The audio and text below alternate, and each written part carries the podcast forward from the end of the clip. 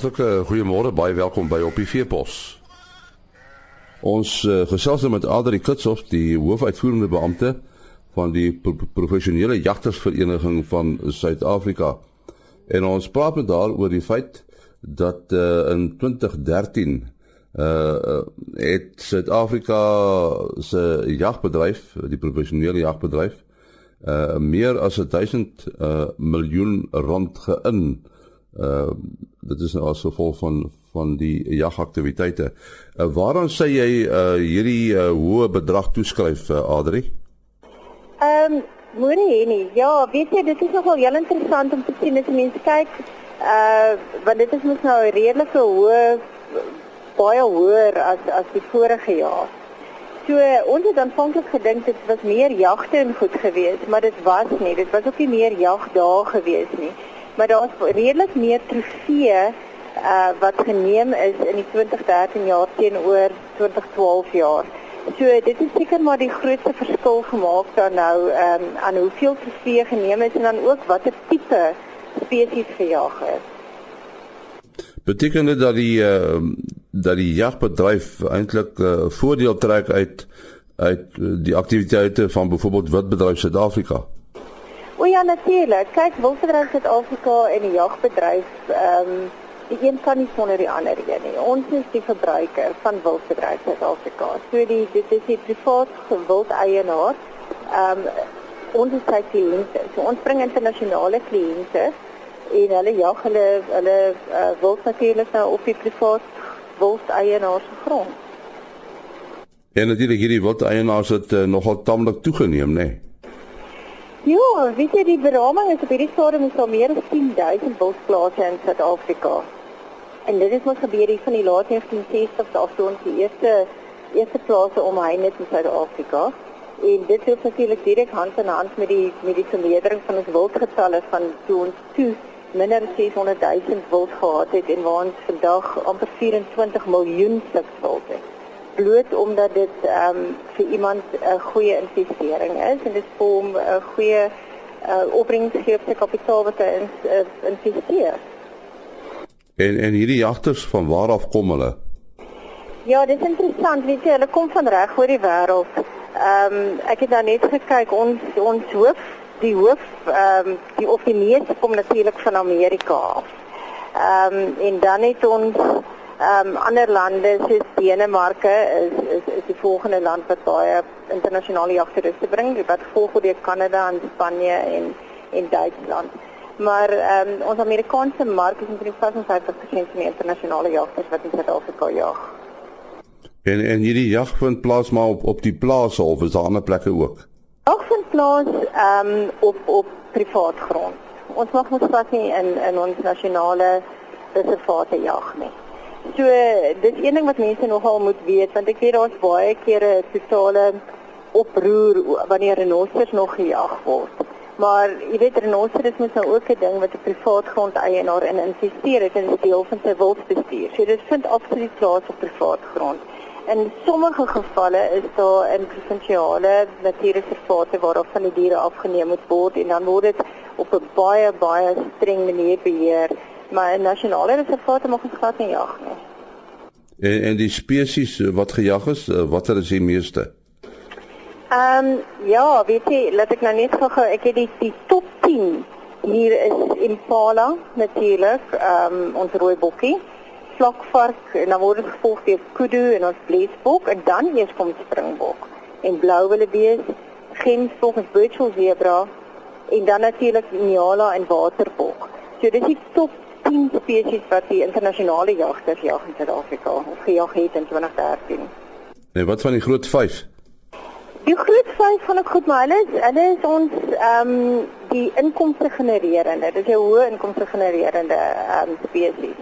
En jou top 10 daar wat die meeste inkomste genereer is leeu, buffel, ehm um, en dan het jy vlakte wild kudu tussenin jou witrenoster en so gaan dit af. Ja, nee, ons kyk, ons Suid-Afrika is natuurlik bekend vir ons ons groot vyf. En veral ons is die enigste land in Afrika wat vir jou 'n groot vyf jag op een area kan gee. So dit maak ons baie uniek. Ja, jy praat so van die enigste land in Afrika. Suid-Afrika word al meer eintlik 'n jagbestemming, né? Nee?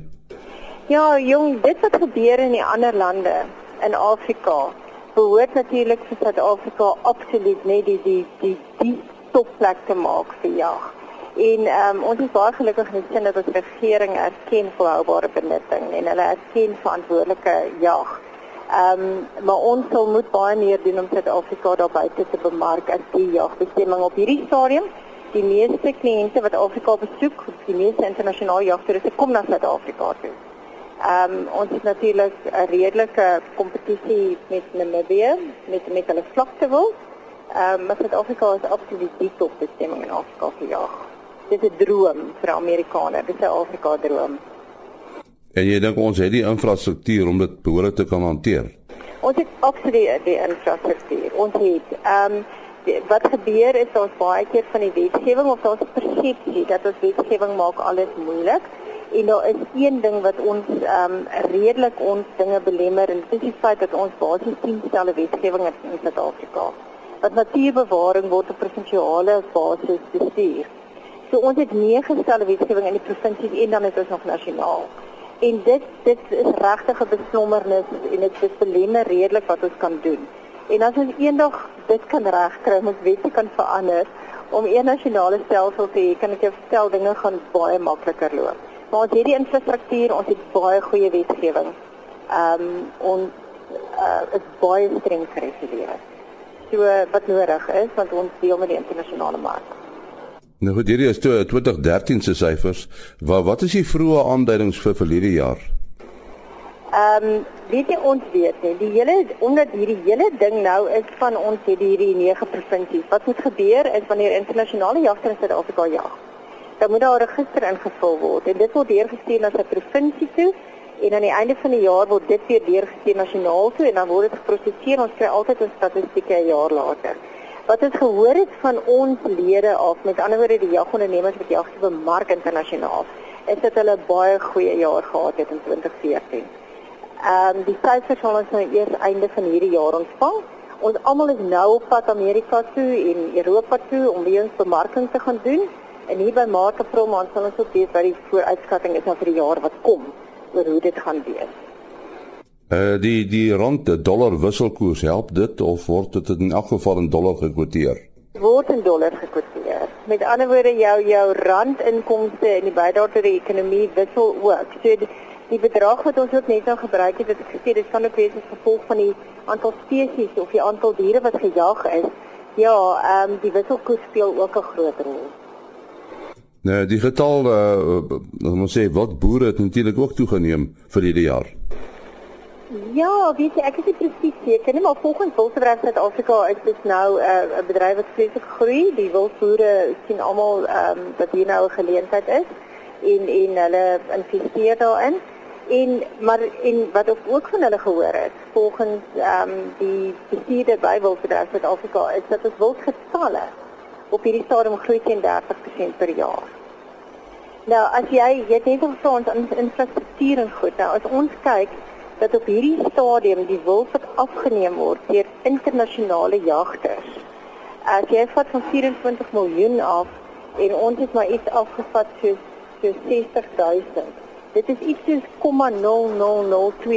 of so iets. En as ons wildgetalle groei teen 30%, is 'n verskriklike geleentheid in Suid-Afrika om onsself net nog meer en meer en meer te bemark daar buite. Die feit dat die wildbedryf so groei, is dit maar vir jag of is daar ander redes? Op hierdie stadium blyk dit blyk dit dat daar twee redes is. Kyk, ehm um, in die eerste plek is dit ons investering vir 'n wildboer. Dis 'n besigheid. So en in die tweede plek nou is die jag is die eindproduk. Ehm um, en ek sê altyd daar is niks wat in aan aan wildlewe soveel waarde gee as jag nie, want uiteindelik is dit die wildlewe bestuur. Maar op hierdie stadium is daar natuurlik nou ook ehm um, die die ehm um, spesifieke teeling en ehm um, intensiewe teeling waar lewende gewild in die afgelope jaar of 2 'n baie hoër inkomste gehad het as voorheen. Ehm um, waar lewende gewild op veiling geplaas word. Nou, ek is nie dit is natuurlik aan ons bedryf nie. Ons is in die jagkant. So ek het nie al daai spesifieke syfers nie. Maar daar was definitief 'n drastiese toename aan die inkomste uit die uh, verkoop van lewendige wild aan nuwe wildboere. Nou, ons sê dankie aan Adri Kitshof. Sy is die hoofuitvoerende beampte van die professionele jagtersvereniging van Suid-Afrika. Op die Veepos is môreoggend weer terug om kwart voor 5. Onthou die program word elke weekoggend om dieselfde tyd, dit is kwart voor 5, uitgesaai hier op RSG. Ah.